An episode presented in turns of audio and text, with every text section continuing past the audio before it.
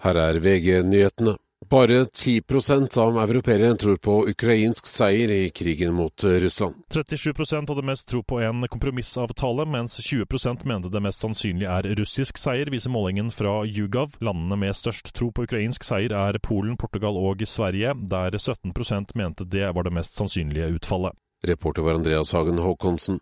Kårstø gassanlegg i Tysværøy i Rogaland ble evakuert i kveld etter en lekkasje. Situasjonen skal nå være under kontroll, og lekkasjen er stoppet.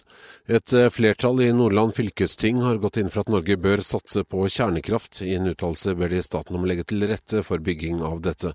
De ber også om at godkjenning av reaktorteknologi fra andre land bør gjelde automatisk i Norge.